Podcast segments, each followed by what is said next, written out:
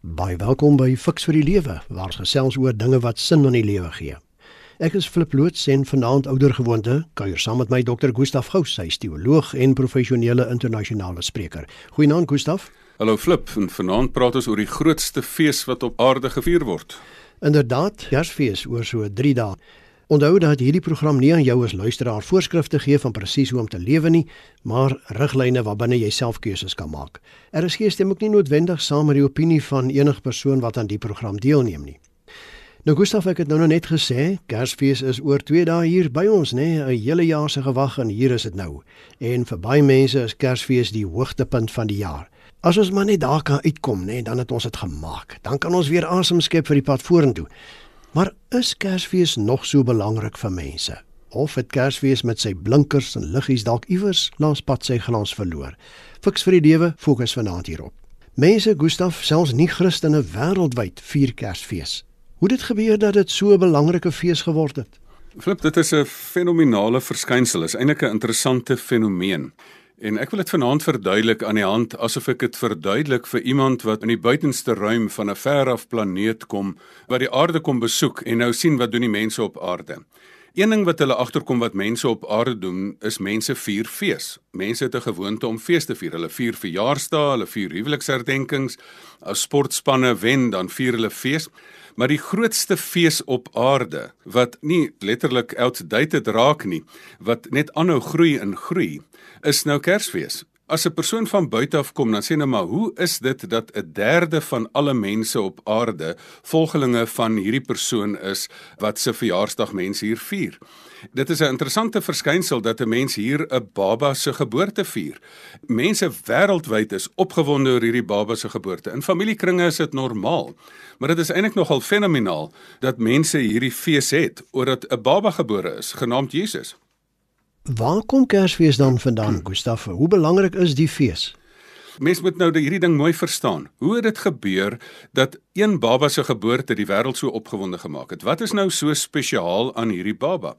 Wat mense nou sê is hierdie baba het gekom en vir ons te wys hoe om te lewe.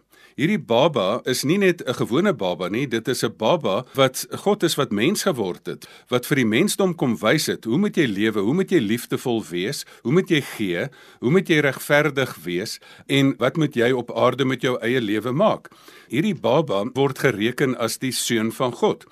Hierdie baba het mens geword om vir ons te wys hoe om mens te wees. Hierdie baba inspireer mense tot baie vreemde gedrag. Daai vreemde gedrag is dat omdat hierdie baba aarde toe gekom het en sy lewe vir ons gegee het, later in Paasfees wat dan eintlik die grootste Christelike fees is, inspireer dit mense om geskenke vir mekaar te gee as 'n simboliek.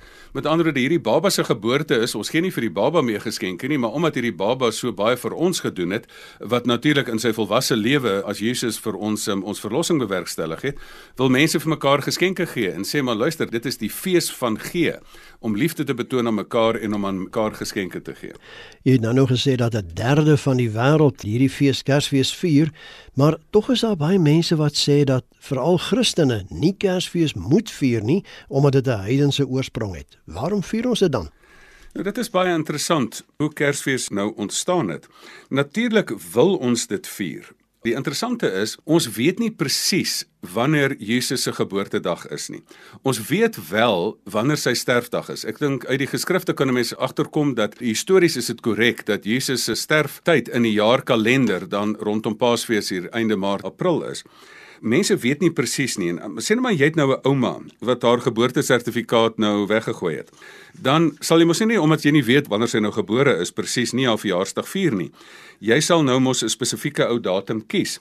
En dit is baie interessant dat tot en met omtrent plus minus die 10de of die 16de eeu daarso voor die kerk in duisende kerke opgesplit het, was daar eintlik net twee kerke op aarde en dit was die Rooms-Katolieke Kerk en die Oosterse Ortodokse Kerk. Die Rooms-Katolieke Kerk, daardie been van die Christendom het besluit, hulle wil Kersfees vier hier rondom die 25ste Desember rond en die Oosterse Ortodokse Kerk het dit tot vandag toe nog hier rondom 6 of 7 Januarie vier hulle dit. Nou hoe dit gebeur? Onthou toe Christus gebore is, was hy in die Midde-Ooste gebore. Toe wil mense nou gaan sendelinge gaan en vir die wêreld gaan vertel van hierdie wonderlike ding wat gebeur het dat hier 'n baba is wat gebore is wat hulle sê is 'n vredevors, is die koning van alle konings en hulle wil vir mense gaan vertel. Toe kom hulle in Duitsland en daar wil hulle vir mense vertel dat Jesus die lig vir die wêreld is, dat hy vir ons ons verlorenheid weggevat het, vir ons lig gebring het in 'n duister wêreld. En toe kom hulle agter daar dat die ou Duitse kulture vier die fees van die ligte. Ons weet mos daar rondom 21-22 Desember is dit mos die langste nag in Noord-Europa. In Suid-Afrika is dit mos die langste dag. En eintlik het die ou kulture gesê, hulle het agtergekom, hierdie is die langste nag, hierdie is die draaipunt, hierdie is die teken dat die duisternis nie gaan oorwin nie, maar dat lig weer gaan terugkom. En toe het hulle nou 'n kersse aangesteek, ligte aangesteek en hulle het dit die fees van die ligte genoem.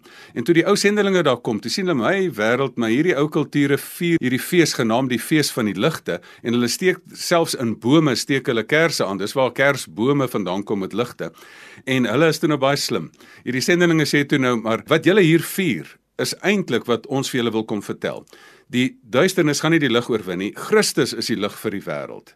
En hierdie fees gaan ons dan vir onsself vat en dan eintlik hierdie heidenste fees gaan ons Kersden en dit dan sommer die datum maak waarop ons dan sê Jesus gebore is. Ek lees iewers ook dat Martin Luther 'n kersboompie in sy huis gehad het, die ou kersaand en ook kersies aan daardie boom vasgemaak het en daar rondom het hy en sy gesin dan Kersfees gevier. Dit is so mooi van die Christelike geloof wat nie 'n kultuur probeer doodmaak nie, maar inkulturasie pleeg en dan letterlik in 'n kultuur vat en die kultuur kersten. As 'n mens 'n persoon kan bekeer, kan jy ook mos 'n kultuur bekeer. Dit is nogal ook simbolies dat daai langste langste donkerste nag word dan deur lig oorwin. En ons in die suidelike halfrond wat nou nie 'n wit Kersfees het nie, kan ook nog daar rondom identifiseer want dit is die langste dag van lig wat ons het hier net voor Kersfees. En so is dit vir ons ook dan in die suidelike halfrond, is dit vir ons simbolies dat Kersfees die fees van lig is. Daar's so baie lig dat die duisternis nie eers 'n plek het nie. Dit is RSG met die program Fix vir die Lewe en ons gesels vanaand oor het Kersfees sy glans verloor. Ek is Flip Loots en my gas is Dr. Gustaf Gous. Gustaf, een van die wat ek nou maar sê gewoontes, as mense dit so mag noem, wat oor die jare saam met Kersfees gekom het, is Vader Kersfees. 'n Slee wat getrek word deur takbokke, daar's Kerskouse wat ons ophang, geskenke, klappers en selfs sneeu op Kersdag. Watter rol het al hierdie goed in Kersfees? Sê nou maar ons moet nou vir 'n persoon wat nog glad nie met Kersfees te doen gehad het nie, 'n besoeker uit die buitenste ruim, nou verduidelik nou waar kom hierdie ou met die wit baard en die rooi jas nou vandaan. Dan kan ons vir hom vertel dat in die kerkgeskiedenis in die Rooms-Katolieke Kerk word die priesters mos maar vader genoem of hulle noem hom in die Engels 'n saint. En daar was 'n vader gewees wat bekend gestaan het in Nederlands as Sinterklaas of in Engels Saint Nicholas en hy was nou bekend as hierdie priester wat regtig in die gees van Jesus se liefde gegee het, geskenke gegee het in dies meer. En toe het hy die simbool geword vir iemand wat gee. So ons vier niks asof Vader Kersfees nou enige groter belang het as dit nou maar 'n voorbeeld was van 'n ou priester van lank terug met sogenaamd met rooi klere gedra het en wat bekend was as 'n priester wat nou regtig gegee het. En dit is hoekom hy nou maar ook sy ou plekkie hier het. Ek dink die belangrike is is dat ons ons nie moet vaskyk aan hierdie rooi jas en hierdie wit baard nie, maar dat ons moet vaskyk aan die baba wat gebore was, want dit is vir my die pragtige gebeurtenis. Ek het nou die dag het ek saam met my dogtertjie het ek geloop in daai Duitse Kersmarkte. Elke dorpie het eintlik 'n kriptoneel. Weet jy, dit is so mooi hoe hulle ernstig dit opneem. Elke dorpie nou gaan kyk hulle hoe lyk julle dorpie se kriptoneel hierdie jaar en hoe lyk daai dorpie se kriptoneel. En daar in München op die Marienplatz was daar dan 'n uitstalling van 'n klomp kriptonele. En dit is vir my so mooi dat 'n kultuur dit ernstig opneem dat dit die kern is van dat daar 'n kind vir ons gebore is wat vir ons die vrede op aarde gebring het en ons verlorenheid vir ons weggevat het. Hoe korrek is dit om te sê dat Kersfees 'n familiefees is. Wat beteken dit? As 'n mens praat van Kersfees moet deur die kerk gevier word. En wat is die familie? Dit is die klein kerk. En deur die jare is 'n familie eintlik maar net 'n familiehoof en almal in daai familie, of dit nou kinders is en of dit nou mense wat daar werk, is dan deel van hierdie fees. En daarom is dit niks minder as reg dat op 'n tyd wat familie saamtrek, dat Kersfees is die fees van heelheid, is die fees van dat daar in 'n stukkende wêreld weer verlossing gebring word, dat daar in 'n plek waar dit baie keer nag is in verhoudinge dinge en nag is in politieke situasies, dat dit die fees van lig is en nag is van ons as gevolg van ons eie sonde, dat ons verlos word daarvan en dat dit dan 'n fees van hoop is wat dan spesiaal in families ge gevier word. Ja, gedagtig ook aan die eerste familie, nee, Josef, Maria en die kindjie. Dit kom voor Gustaf dat Kersfees wêreldwyd gekommersialiseer en baie klem word geplaas op duur geskenke, liggies, versierings, kersbome en kerspartytjies. My vraag is, verdring hierdie dinge nie dalk die ware Kersboodskap nie? Ek weet jy flip, ek het so uit 'n bemarkingsoogpunt het ek geen probleem of dit nou 'n heidense of 'n Christen besigheidsman is wat hierdie vreemde verskynsel wat gebeur hier nou probeer omhels. Want wat gebeur nou rondom Kersfees? 'n Besoeker van buite af sal nou dink nou wat 'n vreemde ding is bars hier op aarde los, want hier is nou 'n gees van gee. Hier is nou 'n klomp mense wat nou heeltemal begeesterd raak en mekaar vir mekaar nou staan en geskenke koop. En as daar nou een of ander besigheidsman is van 'n ander geloof of iets wat nou sê maar, "Jo, ons is nou eintlik nogal dankbaar hieroor want ons kan bietjie geld maak hier uit," dan sê ek dit geen probleem nie en as hulle nou 'n kersboom opsit in hulle winkel, dan sê ek wonderlik, hulle vier hierdie fees saam met ons. En dit is eintlik nie net vir Christene nie, dit alle mense word opgeroep daartoe om nou te gee in 'n gees van gee want Jesus is die voorbeeld wat sy lewe vir ons afgegee het want so lief het God die wêreld gehad gehad dat hy sy enigste seun gegee het sodat ons nie verlore kan gaan nie. En as mense nou duur geskenke koop, weet jy, ek het ook nie eers 'n probleem daarmee nie. Want weet jy wat Jesus het 'n duur prys betaal. Maar maar baie keer is dit interessante. Jy koop nou daai duur geskenk, maar dan speel die kind meer met die boks as hy wat hy met die geskenk self speel. Ek het in baie lande gereis in die Midde-Ooste wat nie tipies Christelike lande is nie. Dit is vir my lekker om te sien dat hulle dan ook einde Kersfees vier en dit ernstig opneem vir hierdie persoon, hierdie baba wat gebore is, wat groot geword het en wat ons uiteindelik verlos het. Maar as Kersfees dan bestaansreg het, Gustaf, wat is die ware boodskap daarvan? Die ware boodskap van Kersfees is eintlik baie eenvoudig. Die ware boodskap is daar is 'n tyd op aarde gewees waar daar 'n baba gebore is. En hierdie baba was nie net 'n gewone baba nie, want hoe kan jy dit nou verklaar dat die hele wêreld nou hierdie baba se geboorte wil vier? Hierdie baba was spesiaal. Hierdie baba was die kind van God hierdie baba was God is wat mens geword het wat toe hy sy geboorte aangekondig is het gesê maar die koninkryk van God het naby gekom dit is God met ons sy naam is Immanuel God met ons so in die naam van die baba lê die spesiaalheid. En dat hierdie baba groot geword het en as 'n volwassene vir ons gewys het hoe om liefdevol te wees. Maar weet jy wat is die interessante? Dit is nou wonderlik om 'n geboorte te vier maar dit is ekstra spesiaal as jy dan iemand se geboorte vier wat dan nie net gebore is nie, maar wat gesterf het en weer uit die dood uit opgestaan het. Hierdie baba het as volwassene die dood oorwin. En dat hierdie baba vir ons wat dan Jesus is wat dan 'n volwassene geword het, vir ons gewys het hoe om as mense te lewe en dat dit die God van liefde is.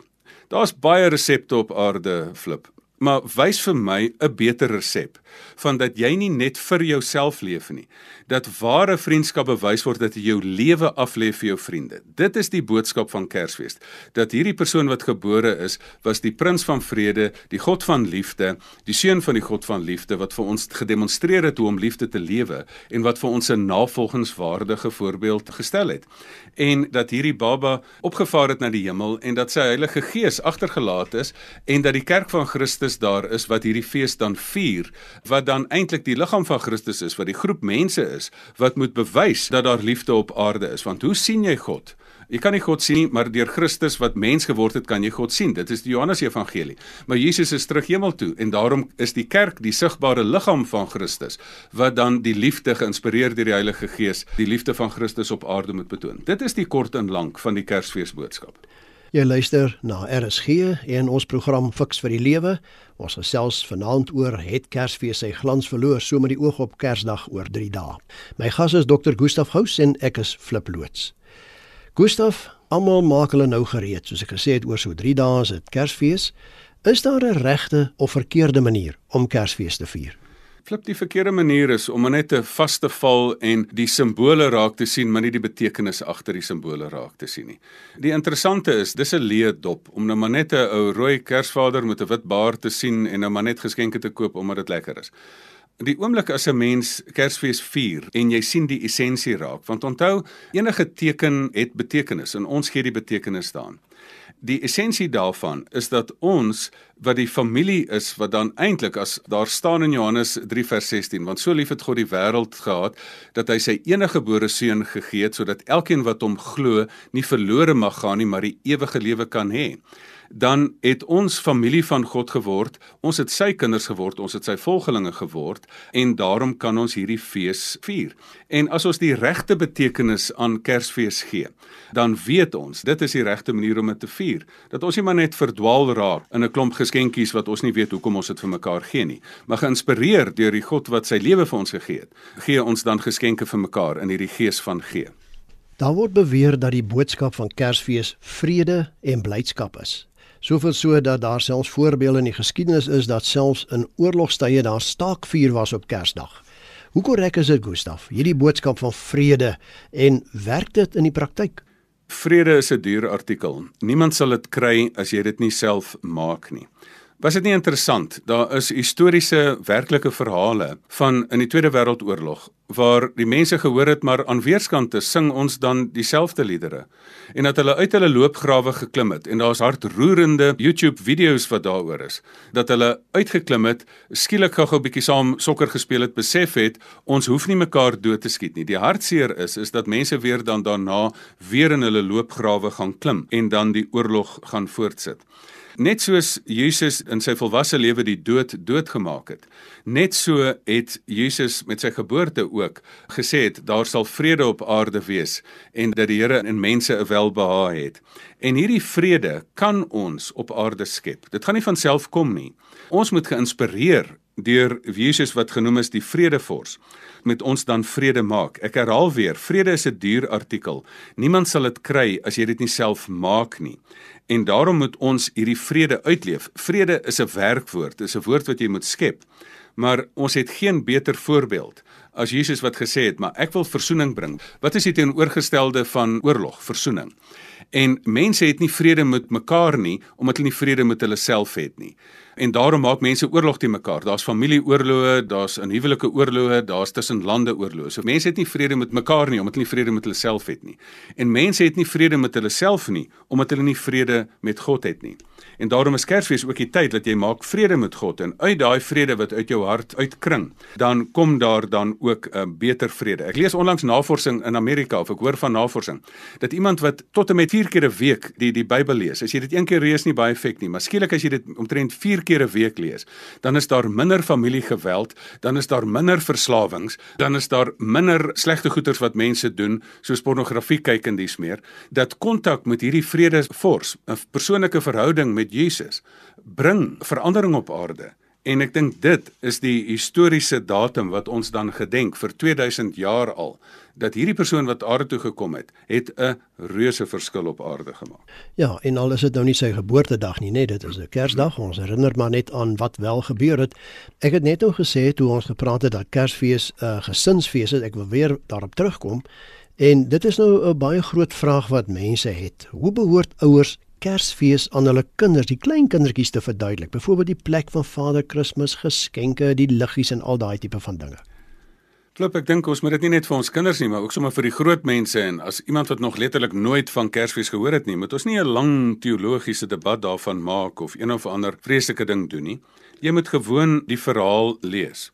Daar was jare terug 'n baba wat gebore is. Hierdie baba was 'n koningskind.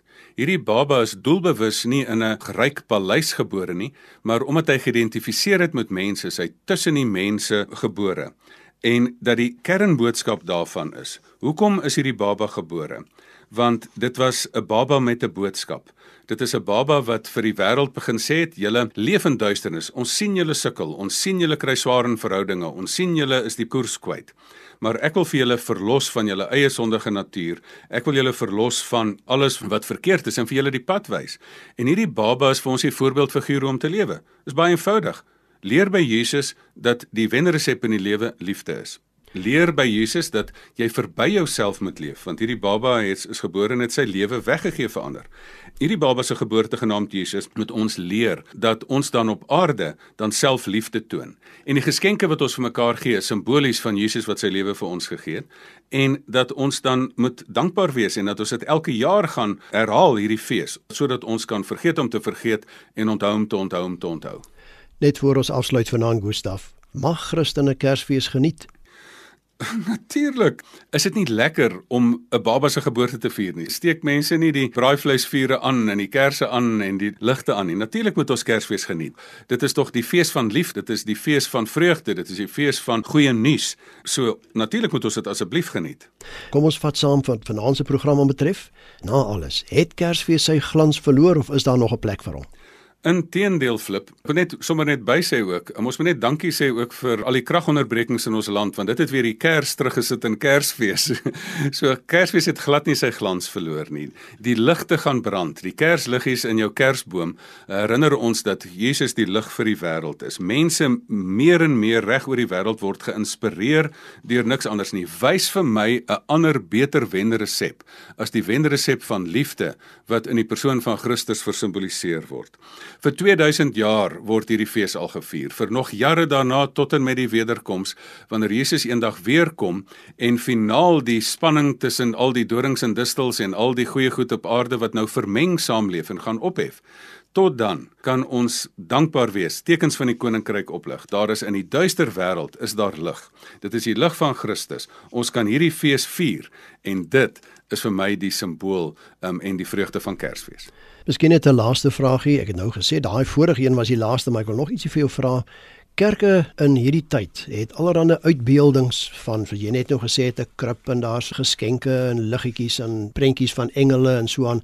Hoe sal 'n mens dit aanvaar? Is dit normaal in 'n kerkgebou om al hierdie tipe van dinge te hê of ontheilig ons nou die kerkgebou in Kerstyd? Daar's 'n groot debat in die kerkgeskiedenis van dat 'n mens nie 'n beeld van Christus moet maak nie en daar was ook 'n tyd van die ikonoklaste wat eintlik maar die grand woord is van dat jy al die beelde stukkend wil slaan. Maar eintlik is die belangrikste ding dat daar nie 'n beeld van Christus gemaak word nie, maar my vraag is, wat versinne beeld jou lewe? Hierdie voorbeeld van Jesus se lewe moet in jou lewe gestalte kry. Moenie gaan staan en 'n beeld maak nie. Wees jy die beeld, die lewende voorbeeld van hoe 'n mens liefde leef. So dit is vir my bietjie 'n non-debat. Ja, hoekom nie? Daar is mos mag mos maar 'n prentjie maak. In sekere kerke is dit meer normaal soos in die Rooms-Katolieke kerk en die Protestantse kerke is hulle minder geneig om dit te doen. Dit moet nie die aandag aftrek van die basiese boodskap nie. Jesus het vir ons 'n voorbeeld gestel om te lewe. Wat jy moet verbeeld op aarde is dat jy sy voorbeeld moet leef in jou eie lewe. Vra eerder vir jouself af, leef ek liefde? As mense na my kyk, sien hulle Christus of sien hulle iemand wat nog verlore is en eintlik Christus nodig het? Nou ja, dit dan al 'n finansiële fiks vir die lewe. Baie dankie Dr. Gustaf Hous vir jou bydrae. En as iemand ons luisteraars dalk met jou verder wil kommunikeer, hoe kan hulle dit doen, Gustaf? Ag, die e-posadres is altyd lekker en as mense ver van hulle rekenaars is, veral in die Kerstyd, gaan sommer net op jou selfoon en gaan tik in fiks vir die lewe, like daardie bladsy en dan gesels ons sommer op die Facebook bladsy verder. En my kontakinligting flip by mediafocus.co.za. Hier van Fix vir die lewe se kant af wens ek en Gustaf jou 'n baie geseënde Kersfees toe. En tot ons weer saamkuier, DV volgende Sondag aand, alles van die mooiste. Totsiens.